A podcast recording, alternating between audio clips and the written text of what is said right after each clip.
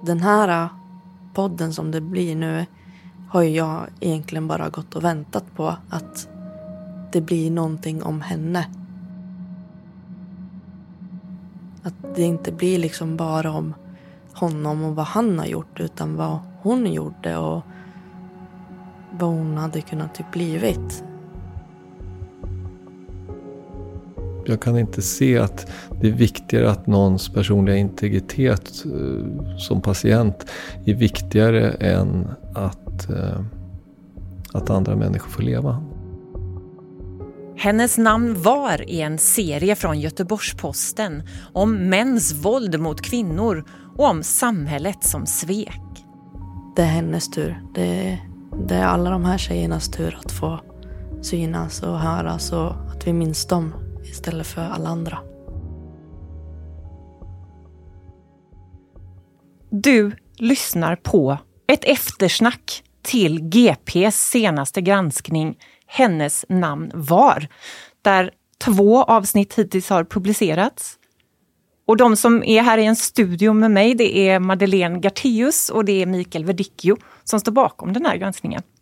Mm, och jag, jag riktar första frågan till er. Eh, vad var det som fick er att vilja göra den här poddserien?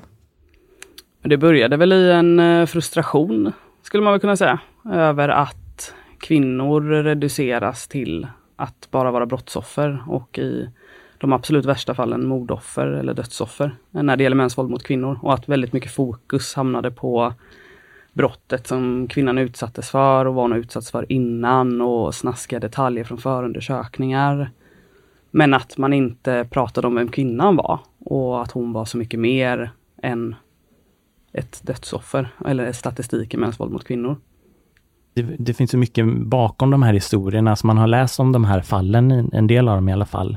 Eh, och det har blivit rubriker i media om eh, ännu en kvinna som har blivit mördad och liksom det är detaljer om hur de har mördats och vad som har hänt liksom och så följer man liksom rättegången och så döms någon liksom ofta. Eh, men vi vill ju liksom dels ta reda på vem, vem, vem kvinnan var som Madde sa.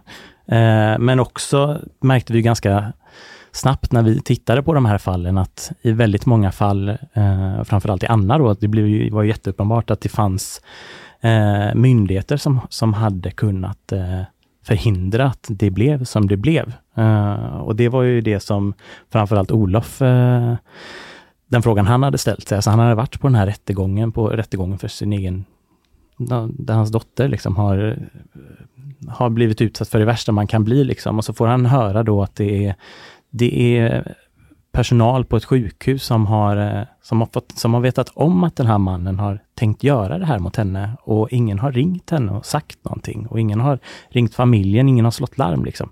Um, och så det var ju liksom jätte, alltså det är ju jätteupprörande när man hör det liksom. Men något som blev ganska uppenbart när vi gjorde den här resan då och mötte alla de här anhöriga, det var ju att det var ju liksom inget unikt fall på något sätt, utan det var ju så många myndigheter som hade som hade sett och hört och kunnat kanske stoppa eh, stoppa de här brotten. Liksom. De här mm. kvinnorna hade kunnat vara vid liv liksom, idag, om, mm. vi hade, om samhället hade gjort det eh, de borde, det borde göra. Liksom. Mm. Vi kommer komma in mycket mer på, på det mm. i det här samtalet. Men jag vill samtidigt fråga er, eh, ni som sagt har rest runt och träffat anhöriga till de här sex kvinnorna. Är, hur har de här mötena påverkat er? Mm, otroligt mycket skulle jag säga. Alltså dels för egen del så är ju jag anhörig själv. Eh, så jag har ju det perspektivet med mig innan samtidigt som jag är journalist i den här granskningen. Men sen har man ju också märkt av på anhöriga att ja, men dels kanske en liten liksom, smäll på media att det enda som har varit intressant har varit att beskriva så många detaljer man kan eller vilka bilder från förundersökningen man kan använda. Och det förstår vi ju som journalister eh, vad som säljer och vad folk vill läsa och true crime som har exploderat de senaste åren.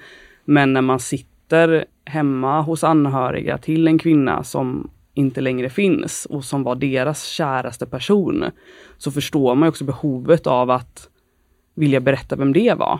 Eh, och att det någonstans nästan är en skymf att hon bara fick vara ett, en mans offer. Mm. Mm. Ja, det har varit ett lite annorlunda sätt eh, för mm. mig också, alltså sätt att intervjua. Eh, alltså att vi sitter i timmar liksom och pratar om ja, men vem hon var. Och sen kommer man ju såklart till liksom själva brottet också, men att det tar, det tar inte, det är inte den stora biten liksom av, av det eh, snacket. Liksom. Och det, det, märks verkligen på, på de anhöriga att det finns, eh, att det har funnits liksom den här eh, längtan av att få berätta vilka de var bakom de här liksom, hemska bilderna bara som mm. har publicerats. Vi ska bjuda in eh, även Olga Persson i det här samtalet. Olga, du är ju ordförande i Unison som är en samlingsorganisation för kvinnojourer och tjejjourer i Sverige. Och du är med oss från din arbetsplats i Stockholm kan vi säga. Ja. Hej! Hej! Vi kommer ju komma in på den här stora frågan mäns våld mot kvinnor såklart. Eh, först vill jag fråga dig, eh, håller du med om att eh, det ligger för lite fokus på brottsoffer när man pratar om mäns våld mot kvinnor? Ja, alltså jag kan tycka att det ligger alldeles för lite fokus på att det här är brott överhuvudtaget. Alltså vi beskriver ofta eh, våld mot kvinnor eh, som sociala problem eller som en eh, unik händelse som inte är del av ett större mönster i ett samhälle där eh, kvinnor och flickor är undervärderade på massa olika sätt, även som brottsoffer. Eh, jag kan tycka att vi över lång tid har eh, underprioriterat den här frågan, både politiskt men också från massmedias håll. Och jag tycker också att det är symptomatiskt för eh, frågan om mäns våld mot kvinnor att det är just eh, tidningar, nyhetstidningar som gör de här granskningarna. Vi har ju länge önskat från vårt håll att det ska vara myndigheter som gör olika haverikommissioner varje gång en kvinna mördas för att lära sig vilka systemfel vi behöver Eh, täppa till. Sen finns det ju den mänskliga dimensionen i allt det här att eh, familjer och eh, alla anhöriga runt omkring också har ett behov av att ge Eh, kvinnan eller den unga tjejen som det också kan vara upprättelse när hon har mördats. För ofta så reduceras ju hon till någonting liksom konstigt eller annorlunda eh, som hade på något vis någon form av skuld i att det här till slut hände. Att hon är liksom svag, inte orkade lämna, eh, inte lyckades ta sig fri. Eh, och där tror jag att där har ju media en otroligt viktig roll att också lyfta de här kvinnorna Eh, var, många av dem var mammor, döttrar, systrar och lämnar enorma eh, kratrar av sorg eh, i samhället som vi alla lever i. Mm. Och, precis som Madde eh, berättade här inledningsvis så är ju du också, du har ju också en personlig koppling till Tova som vi mötte i det här andra avsnittet av Hennes namn var. Eh, vill du berätta något om det? Tova är eh, mina syskonbarns kusin och Ehm, alltså min svägerskas syskonbarn och jag har liksom eh, umgåtts mycket. Vi umgås mycket, vi är en sån familj där vi eh, träffas ofta och ehm, tar hand om varandra och när Tova mördades då 2017 så hade jag arbetat med de här frågorna i mer än 15 år. Och det, jag tror faktiskt att det var då först 2017 som det faktiskt liksom, på riktigt gick upp för mig, trots att jag är ansedd av många som en expert på de här frågorna, vad det faktiskt får för konsekvenser när en kvinna mördas. Alltså att det är omätbara konsekvenser som kommer att pågå i generationer framåt. Eh, att en hel familj liksom raseras av det och också ett samhälle. Liksom alla vänner runt omkring och eh, vad det väcker för känslor hos oss alla. Och att det var otroligt svårt att både vara då liksom privatperson och eh, människa och samtidigt vara väldigt arg på systemet. För jag var ju liksom rasande under en väldigt, väldigt, väldigt lång tid och hade svårt att ibland eller så här, jag har tappat tålamodet tror jag med människor som inte gör sitt jobb. Eh, att vi ser på den här frågan som så pass oviktig så att ingen någonsin får hållas ansvarig när de liksom begår olika former av, av tjänstefel skulle jag säga, som det ju är i många av de här situationerna. Eller framför allt att man då underlåter i alla fall att göra det som man skulle kunna göra. Så det var en väldigt stor sorg men också en otroligt stor ilska. Eh, mm. Kände jag. Vi ska, vi ska strax prata om männen, alltså förövarna. Eh, men det är ju inte bara de som kan ändra att i genomsnitt 15 kvinnor i Sverige dör av våld i nära relationer varje år. För egentligen vet ju svenska myndigheter rätt väl eh, vad som ska göras, eller hur Madde och Mikael? Ja, vi har ju i granskningen har ju vi utgått från Socialstyrelsens dödsfallsutredningar där man går igenom dödsfall som har skett i nära relation och där kvinnor år efter år är överrepresenterade. Eh, och där finns det ju uppstolpat, till och med i en lättläst version, eh, precis vart myndigheter har brustit. Eh, Socialstyrelsen lämnar också förslag på lösningar och har gjort återkommande under tio års tid. Och det har ju vi sett när vi har läst igenom alla de här rapporterna att det är samma brister som Socialstyrelsen uppmärksammar år efter år efter år efter år. Vilka är de viktigaste? För att nämna några så är det ju att riskbedömningar inte görs av myndigheter som träffar våldsutsatta kvinnor, exempelvis socialtjänsten och Polismyndigheten. Man kombinerar inte kontaktförbud med andra sociala insatser. Eh, man utreder inte skyddsbehov ordentligt. Man hjälper inte kvinnor som flyr att ordna stadigvarande bostad. Vilket i förlängningen har lett till att många kvinnor har behövt flytta tillbaka för att man har inga andra alternativ. Och det här är ju brister som är välkända och som publiceras varje år och som man märker när man läser att det här vet vi ju om. Men hur kan vi veta om det här i så många år, men ingenting händer ändå? Och det är ju där, i, i de dödsfallsutredningar som vi tog avstamp för att liksom identifiera de här fallen och vilka brister som fanns. Och den stora frågan för oss har ju varit, kunde de här kvinnornas död kunna ha förhindrats? Och där är ju svaret från alla vi har pratat med att ja, det hade det. Och det, det är ju ett sånt jävla underbetyg för samhället och för myndigheter. Och det var väl lite alltså frustration. Jag, jag minns liksom Olof som vi, som vi intervjuade, liksom, att han Ja men det här enorma traumat som det är, liksom, han förlorat sin dotter liksom och så och vet, få höra det av myndigheter liksom att fan det fanns folk som hade kunnat stoppa detta. Uh, men Sen samtidigt det, har det fått ganska lite liksom, uppmärksamhet, just den detaljen i hela den historien, liksom, utan det har liksom främst varit liksom, kring mordet och, och liksom detaljer kring det. Liksom. Och det var väl liksom lite det vi ville, vi ville fokusera lite mer på det konstruktiva, liksom att eh, inte göra liksom ännu en serie om, om eh, det här är hemska fall med, med hemska mord, liksom, utan vi, vi, tog verkligen avstamp i det här konstruktiva och ville titta på varje fall. Och, eh, utifrån, ja, men hur hade man kunnat stoppa det? Liksom? Ja, men ska vi stanna till lite vid Anna, som ju lyssnarna mötte då i första avsnittet.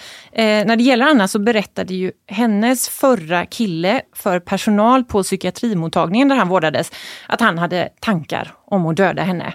Och Anna fick aldrig veta det. Hur kunde det bli så? Där säger man ju främst, i, ja, men som i den internutredningen som sen gjordes, att eh, man inte hade möjlighet att larma Anna för att han, han var ju inlåst då och därför var han inget akut hot. Men hade man släppt ut honom i samband med att han hade uttryckt de här tankarna och planerna då, då hade man haft en möjlighet att larma. Men då skulle man inte släppt ut honom på permission. Så det är ett cirkelresonemang hela tiden. Eh, men där efterfrågas ju och har ju gjorts länge att man ska se över sekretesslagstiftningen. Att den finns ju till av, för en bra anledning och det är ju för den personliga integritetens skull.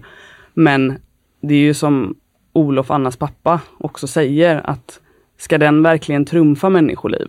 Um... Ja, och här har det ju inte varit, det har inte liksom varit en person som han har uttryckt det här för, utan det här är, står ju i hans journaler som ligger eh, att läsa för de som jobbar där och vad vi har kunnat se så är det ju ja, men det är liksom minst tre läkare och en sjuksköterska som har, som har känt till de här planerna liksom, och mm. ingen slår larm. Det, det, är ju det det kokar ner till i slutändan. Liksom. Eh, och det är ju väldigt, väldigt konkreta tankar. Liksom. Ja, så här säger Annas pappa Olof Martinsson och sen Mattias Månsson som är tillförordnad verksamhetschef på Psykiatri Nordväst i Stockholm. jag kan inte se att det är viktigare att någons personliga integritet eh, som patient är viktigare än att, eh, att andra människor får leva. Skulle vi fått varna henne när patienten söker Eh, och uppger den här sortens tankar. Idén är då just att vi är rädda för att eh, ytterligare några gärningsmän skulle i så fall inte ha sökt. Den sammantagna effekten är att eh, några andra istället har räddats. Vad tänker du Olga när du hör om det här? Ja, jag, för det första så tänker jag att det är trams att sekretesslagstiftningen skulle eh, hindra människor från att rädda liv. Alltså vi som jobbar med det här professionellt ska ju också använda oss av nödregeln. Alltså om det finns fara för liv så ska man ju bryta all sekretess som eventuellt då finns. Eh, så det handlar ju om någonting annat. Vi har ju hört den här ursäkten om sekretesslagstiftningen i, det har utretts, jag tror att det har utretts i 30 år, alltså hur man ska göra sekretessbrytande regler.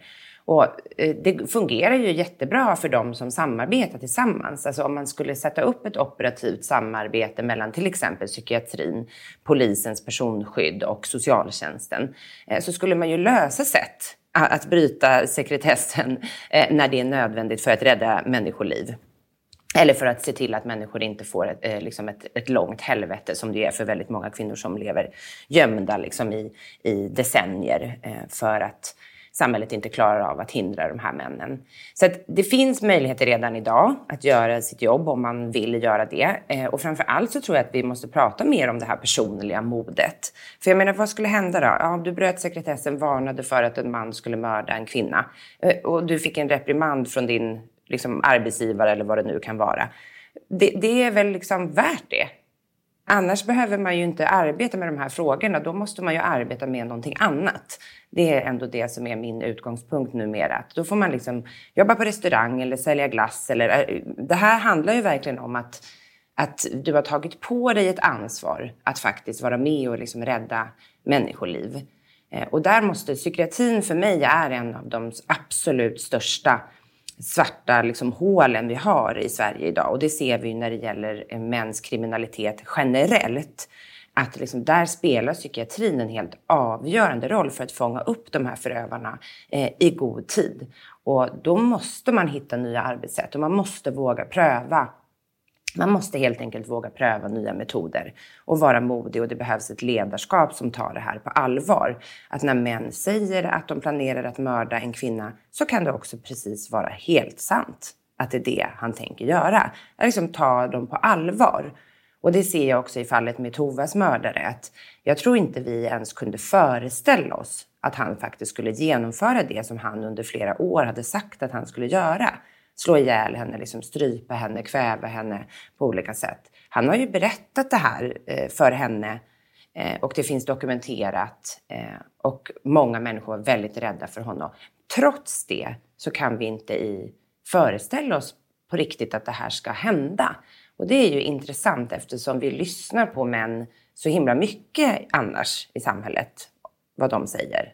Men just här så är det någonting att vi bara, nej men han kan inte mena riktigt så kanske. Och det är något man säger när man separerar eller när man är full eller när man är psykiskt sjuk. Nej, det, det är det inte. Det finns ingen sån psykiatridiagnos som säger att man, säger att man ska mörda kvinnor. Liksom, så jag tänker att det är så viktigt att inte ta de här liksom, ursäkterna eh, utan verkligen säga, hur menar du då? Varför skulle inte det vara möjligt? Vi måste liksom våga ställa de här frågorna. För vi har så mycket kunskap, precis som berättas i den här granskningen. Det finns så mycket dokumenterad kunskap idag i Sverige, så ingen kan säga att de inte kan ta till sig den kunskapen om de vill.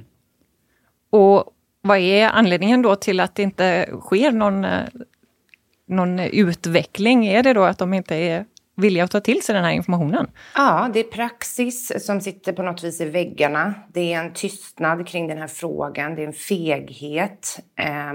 Det kräver ju också en massa jobb att faktiskt larma. Alltså det är också operativt. Du måste göra massa saker då. Du måste skapa relationer med andra professioner. Du måste hitta sätt att liksom nätverka så att man kan skapa det här nätverket runt en kvinna så att man kan skydda henne över tid. Det behöver ju vara flera professioner då som samarbetar. Och då behöver man lära sig varandras språk och varandras utmaningar. Och vi måste också rekrytera människor som är duktiga på att samarbeta, som inte vill jobba i stuprör. För det är ju ett av de största problemen vi har i svenska samhället idag, att det är så otroligt eh, specialiserat och stuprörstänket är så liksom, starkt och kraftfullt. Eh, och vi måste hitta människor som faktiskt vill bryta de här eh, stuprören och skapa liksom, på riktigt sam samverkan kring det operativa. Inte samverkanskonferenser, utan hur jobbar man liksom operativt tillsammans inom hälso och sjukvården, polisen, socialtjänsten och frivilligorganisationer då, som jag representerar. Du lyssnar på Hennes namn var, en poddserie från Göteborgs-Posten. Vi kom in eh, rätt mycket på psykiatrin här. En annan aktör är ju som sagt polisen. Och när det gällde Tova så polisanmälde ju hennes mamma och berättade att hon hade utsatts för eh, våld under lång tid. Ändå rubricerade polisen eh, det här som en enskild misshandel, vilket ju då innebär att det fick en lägre prioritet. Ehm, hur kunde det bli så, Mikael och Madde? Ja, men I Tovas fall så har man ju sett att det är flera delar i det som gör att det blev som det blev. Eh, och dels är det ju det här att Tovas mamma anmäler och den rubriceras inte korrekt från början. Eh, för det, det ska rubriceras som när man pratar om händelser som har skett förut, alltså att det är upprepade händelser. Eh, då pratar man ju snarare om en grov kvinnofridskränkning och en grov kvinnofridskränkning öppnar ju upp för polisen att använda mycket mer resurser. Man kan frihetsberöva i större utsträckning och det kanske ses på lite mer akut än en enskild misshandel som det här rubricerades som först. Eh, och sen har man ju i tillsynsrapporten då kommit fram till att ja, men Tova vill inte medverka av rädsla för gärningsmannen, men att hon kunde berätta om vad hon hade varit med om. Och det är ju ytterligare ett tecken på att det är saker som har hänt och det är saker som händer. Vi pratar om en jätteung tjej som är jätterädd för sin nuvarande slash före detta pojkvän. Det om något är ett incitament att sluta upp runt henne både vad gäller polisen men också liksom sociala myndigheter och ge henne det stödet som hon behöver för att orka. För det ser man ju också i många av de här fallen att när man har haft kontakt med myndigheter att man backar för att man inte känner att ja, men det leder inte till någonting, det blir inga åtal, det blir inte fällande dom. Han kommer ut om ett år och gör mitt liv till ett helvete. Det är inte så svårt att förstå att man då inte vill löpa hela vägen. För av vilken till vilken nytta om det ändå blir värre om nio månader. Um, det skulle jag väl säga är det främsta i Tovas fall, där man har sett på, uh, sett på bristerna mm. med myndighetskontakten. Mm. Ja, polisen säger ju de kan ju medge att de har varit dåliga på att eh, fokusera på mäns våld mot kvinnor. Eh, nu säger de att nu har vi fokus, eh, det är prioriterat. Olga Persson, är det ditt intryck? Jag ska säga att det är ett större fokus på frågan om mäns våld mot kvinnor än någonsin inom Polismyndigheten. Åtminstone under de 20 år som jag har liksom följt polisens arbete väldigt, väldigt noggrant. Eh, sen är det så att det är en gigantisk eh, myndighet som ska bli ännu större. Eh, det finns enormt starka strukturer inom Polismyndigheten där man har delat upp eh, grova brott eh, som då är liksom skjutningar och rån och terrordåd och sådana saker. Och så har man haft en liten slasktratt skulle jag säga som man tidigare har kallat då särskilt utsatta brottsoffer som ju är då Eh, som av en händelse så är det hälften av jordens befolkning ofta som blir utsatt för den typen av brott, alltså kvinnor. Eh, våldtäkter har legat på grova brott hela tiden. Trots det så har det haft en väldigt låg status också såklart. För det är liksom mängdärenden och det är brott som kvinnor är utsatta för och har setts liksom lite mindre värt än att jobba eh, med till exempel gängkriminalitet. Och det har man ju åtminstone definierat nu inom Polismyndigheten att det är så här. Alltså om man ska komma eh, till, åt ett problem så måste man ju först och främst definiera att problemet existerar. Och det tycker jag att man har gjort nu från högsta polisledningen. Sen finns det ju fortfarande inte någon samordning mellan polisregionerna. Gävleborg till exempel, där eh, Tova mördades, det länet, alltså region mitt, har ju haft enorma problem med våld mot kvinnor under lång tid. Allt ifrån våldtäkter till våld i så kallade nära relationer. Eh, och ändå så ser vi att man inte till exempel har infört eh, operation initiativ, heter det. Initiativ gryning. Det är också symptomatiskt att det inte heter operation utan det är bara ett initiativ. Eh, som ju är en nollvision liksom, för eh, mord på kvinnor i relationer som man har till exempel haft i Stockholm. Och jag tror att eh, det krävs liksom en samordning i hela landet. Nu hade vi också till uppmärksammat mord eh, utanför Hudiksvall. Och det är ju eh, liksom talande i sig. Där hade också polisen varit tillkallad flera gånger. Eh, man har inte liksom anhållit eller gripit den här förövaren eh, på platsen utan han kan fortsätta så länge så att han till slut mördar henne. Och hur kan det liksom hända i en sån liten ort? Eh, där Tova växte upp, det är ju ett samhälle där liksom alla känner alla. Hade de frågat Tovas, eh, skickat in några av Tovas vänner på förhör till exempel, så hade de kunnat vittna. Och jag menar, det verkar nästan som att det finns någon grundläggande okunskap om att det här faller under allmänt åtal. Så att även om Tova knappt skulle vilja berätta så hade de kunnat hitta liksom vittnen och stödbevisning och väcka åtal.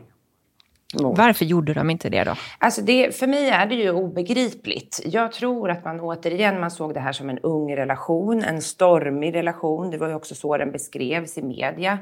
Eh, till och med efter mordet med mycket svartsjuka, ömsesidig svartsjuka, ett på och avförhållande.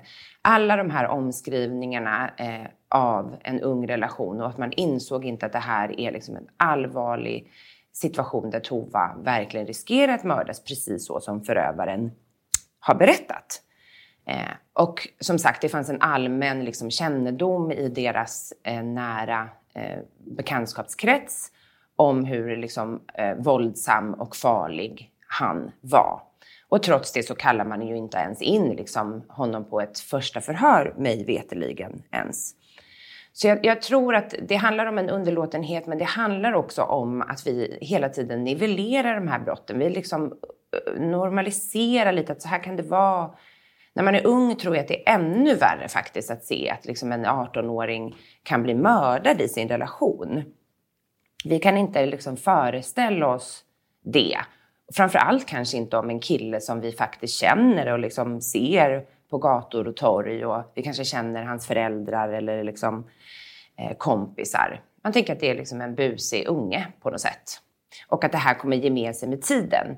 Och det var väl också det som hände, tänker jag, i, i Tovas fall. Vad jag förstår så var ju inte nedlägg, liksom, eh, anmälan offentligt nedlagd, utan liksom den låg och låg på hög helt enkelt. Och det är inte ovanligt att de kvinnorna vi möter, att de inte får någon information på liksom sex månader, åtta månader, tolv månader. Och då är du ju helt ensam med vetskapen om att du har liksom anmält eh, din förövare som vet vart du bor och du har oftast inget liksom, stöd och skydd.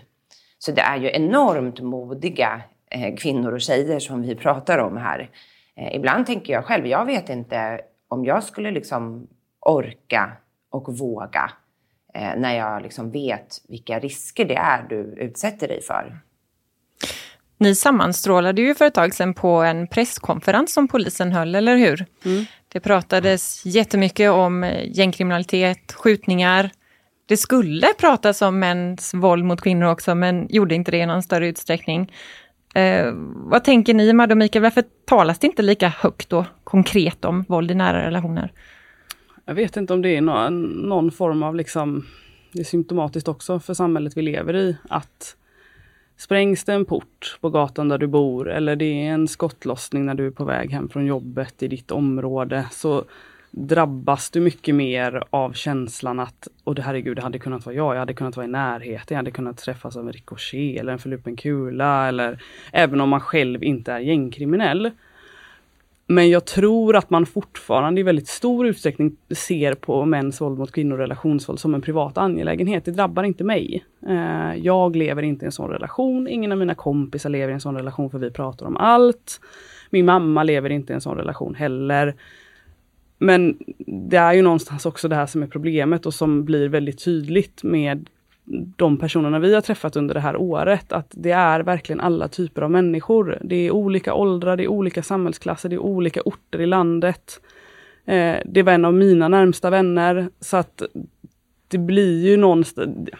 Det är nästan lite skrattretande att det här kan drabba vem som helst. Det drabbar vem som helst. Eh, det är en syster, en mamma, en dotter. Eh, det är också det är otroligt frustrerande och det blev ju väldigt tydligt också vårat ansvar som media när vi sitter på en sån presskonferens. Och det kommer fråga efter fråga efter fråga om hur de ska stoppa gängvåldet och vad ska ni göra och nollvision och hur ska vi få bukt på de här problemen. Men det här då? Det, det blir ju liksom den frågan man lämnas med. Ja, jag träffade, träffade den här polisen som, eh, det var en polis där på, det, på den presskonferensen som var där för att svara på, de hade faktiskt en punkt som handlade om mäns våld mot kvinnor, så det, de, de pratade ju om det sådär på scen och så, men sen var ju han ditkallad för att svara på pressens frågor. Han berättade det för mig efteråt att det var inte en enda fråga till honom. Liksom. Så, eh, och att det, och det blev sån, det blev sån himla kontrast liksom när man eh, eh, när man ser det här jätteintresset för att prata om gängskjutningar. Liksom. Så här, pratar, här är vi här för att prata om mäns våld mot kvinnor som är, ja men alltså kan det finnas en större fråga liksom, eh, som är mer angelägen att lösa. Liksom. Eh, och så är det ingen som ställer en enda fråga till experterna som är där. Nej, men, och där det är ju ett jättestort ansvar på oss liksom, eh, som media. Sen, eh, alltså någonting som jag har slåtts verkligen av, det är liksom den här frustrationen som finns även hos de som jobbar. Alltså vi, vi lyfter ju liksom eh, brister hos, hos polisen, hos eh, sjukvården, socialtjänsten. Men det, man märker en jättefrustration på alla de här personerna som jobbar med det här, att vi eh, står och stampar. Liksom. Alltså att då, liksom, många av lösningarna finns och bara varför, se, varför ser vi bara inte till och, och lösa det här. Liksom. Vi, har ju, vi har ju forskat på det här i decennier. Liksom. Det finns en massa lösningar och ändå händer ingenting. Liksom. Statistiken, den, den går inte åt rätt håll. Liksom. Det, det, eh, så det har väl jag slått av framför allt, den här jättefrustrationen som finns. Du lyssnar på Hennes namn var, en poddserie från Göteborgs-Posten. Olga, du eh, sa ju att du har tappat tålamodet kan man säga. Vad är det, vad är det som gör dig mest arg? Ja, jag håller med om det som har sagts här, att det finns en samsyn kring frustration och det finns en samsyn över att vi faktiskt måste göra någonting tillsammans. Men vi ser ju att det är eldsjälar fortfarande inom Polismyndigheten, inom socialtjänsten, inom Åklagarmyndigheten, eh, inom hälso och sjukvården som inte har liksom, tillräckliga mandat att driva arbetet framåt. För det är alltid någonting annat som är viktigare. Eh, och just nu är det ju då gängkriminaliteten. Eh, och det, det som gör mig mest arg, det tror jag är att det finns också någonting med vedergällning och hämnd i den här frågan som också spelar roll. Att om vi inte liksom stoppa skjutningarna så kommer någon att hämnas. Alltså det finns ett, ett gäng som kommer skjuta tillbaka, det kommer eskalera. Vi är liksom rädda för, samhället är ju med rätta då rädda för våldsamma män, för att det är ju farligt och obehagligt. Men här tänker vi liksom, ja en kvinna har mördats, men det kommer ju inte komma någon hämnd av det. Så det, liksom, det tystnar, det blir de anhöriga som liksom lever kvar i tystnad och sorg eh, och får liksom i mångt och mycket också klara sig själva. Vi har ju jobbat också väldigt, väldigt mycket med de barnen som blir kvar när kvinnor mördas. Det är ju mer än dubbelt så många barn som är liksom efterlevande när det absolut värsta har hänt och oftast den biologiska pappan har mördat mamman. Det är ju någonting som ju kanske ett barn som har växt upp tryggt utan våld inte ens kan föreställa sig. Det är liksom en, en absurd situation. Eh, och de barnen får ju heller inget stöd av samhället. Det finns ingen nationell statistik över dem, hur det går för dem, vart de hamnade, vilka familjehem som tog emot dem, vem är deras vårdnadshavare. Många av dem har ju den här morddömda pappan som vårdnadshavare.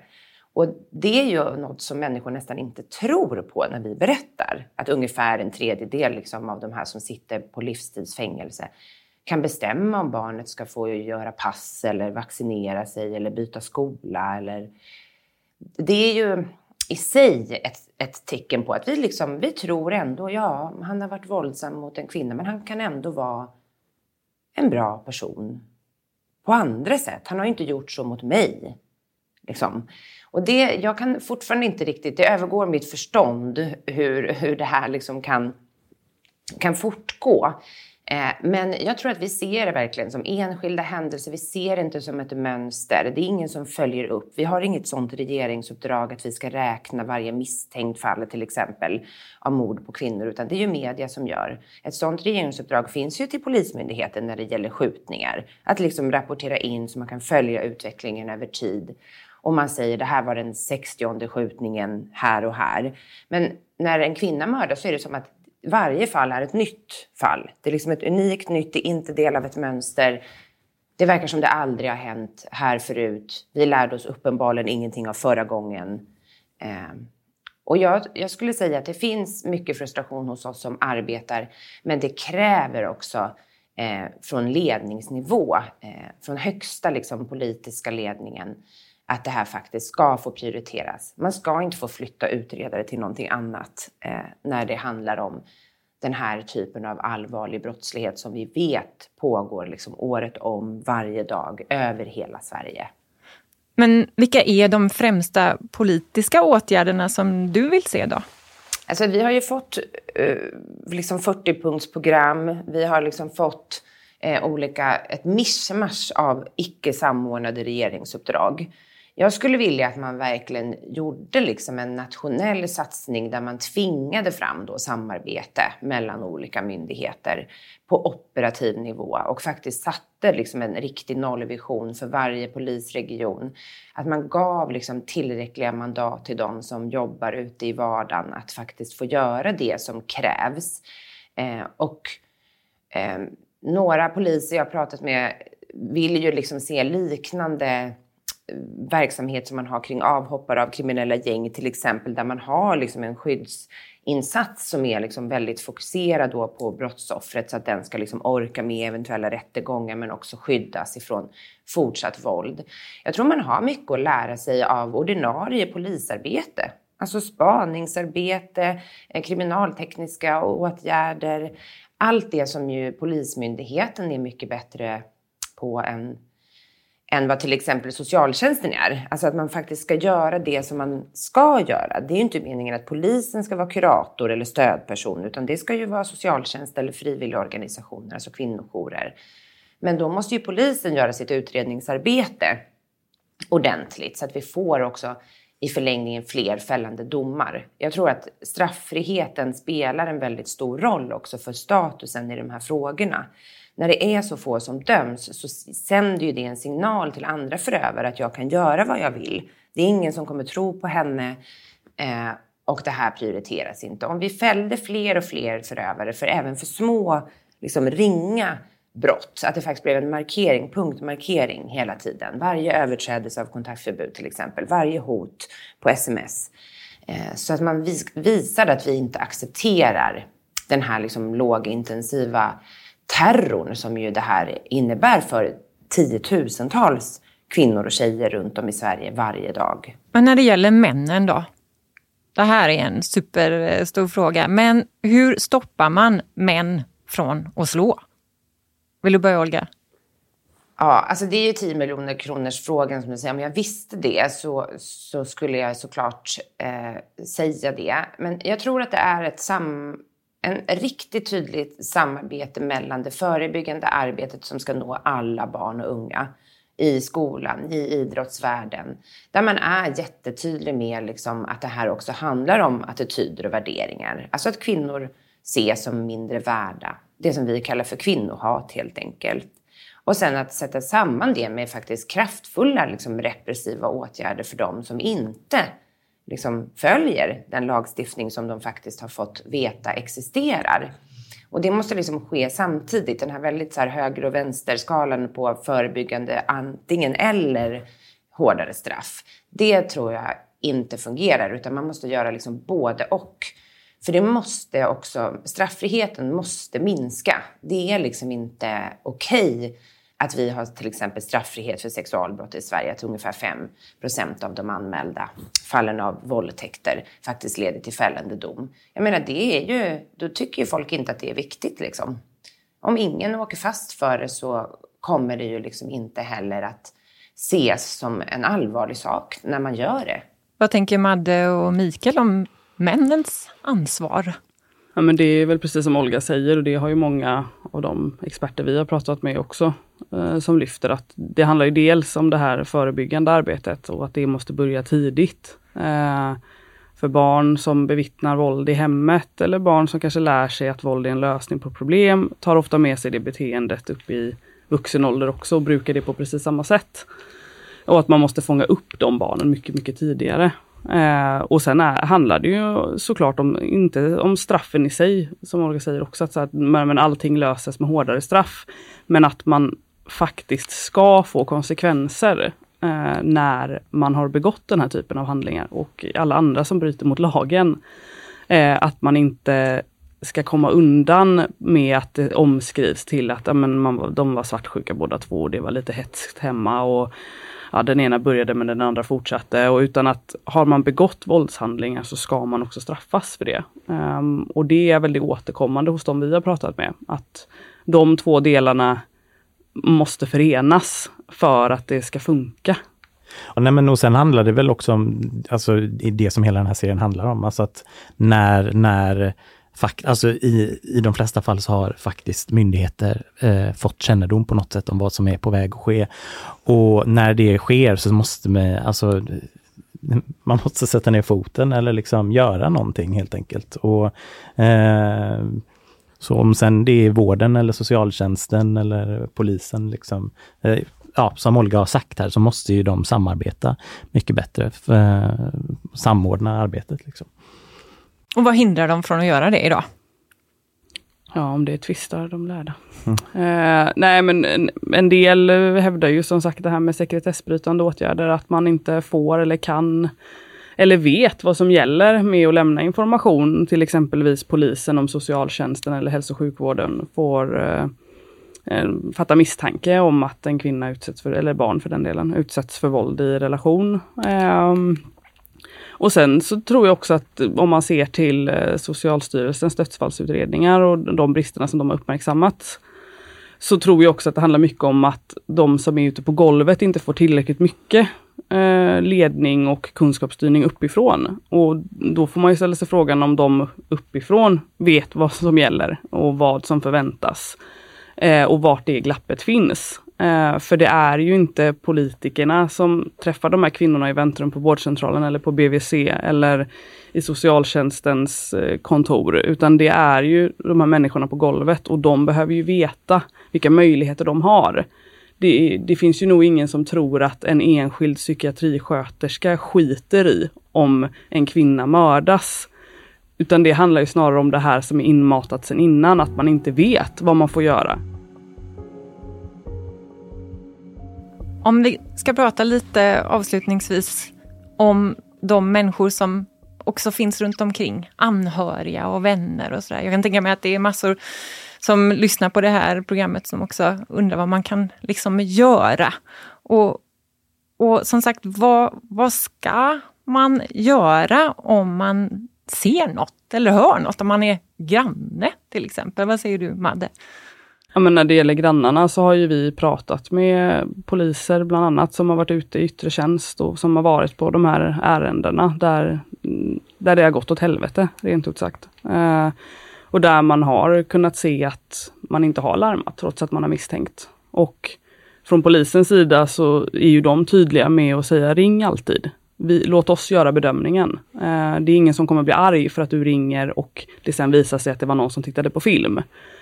Eh, och det civilkuraget någonstans önskar man ju att det finns inom oss alla. Man kan alltid larma och det, det finns egentligen ingen ursäkt att inte larma. Mm. Och om man har en kompis då som man tror har en kille som skadar henne eller förminskar henne. Eh, vad ska man göra då? Vad säger du Olga?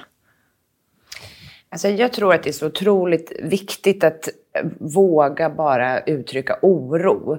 Eh, och då får man ju ganska snabbt ett bevis på att alltså blir den personen väldigt arg eller trängd om man säger så här, jag, jag, varje gång vi umgås så tycker jag att ni verkar bråka och du tar alltid på dig skulden och sådär.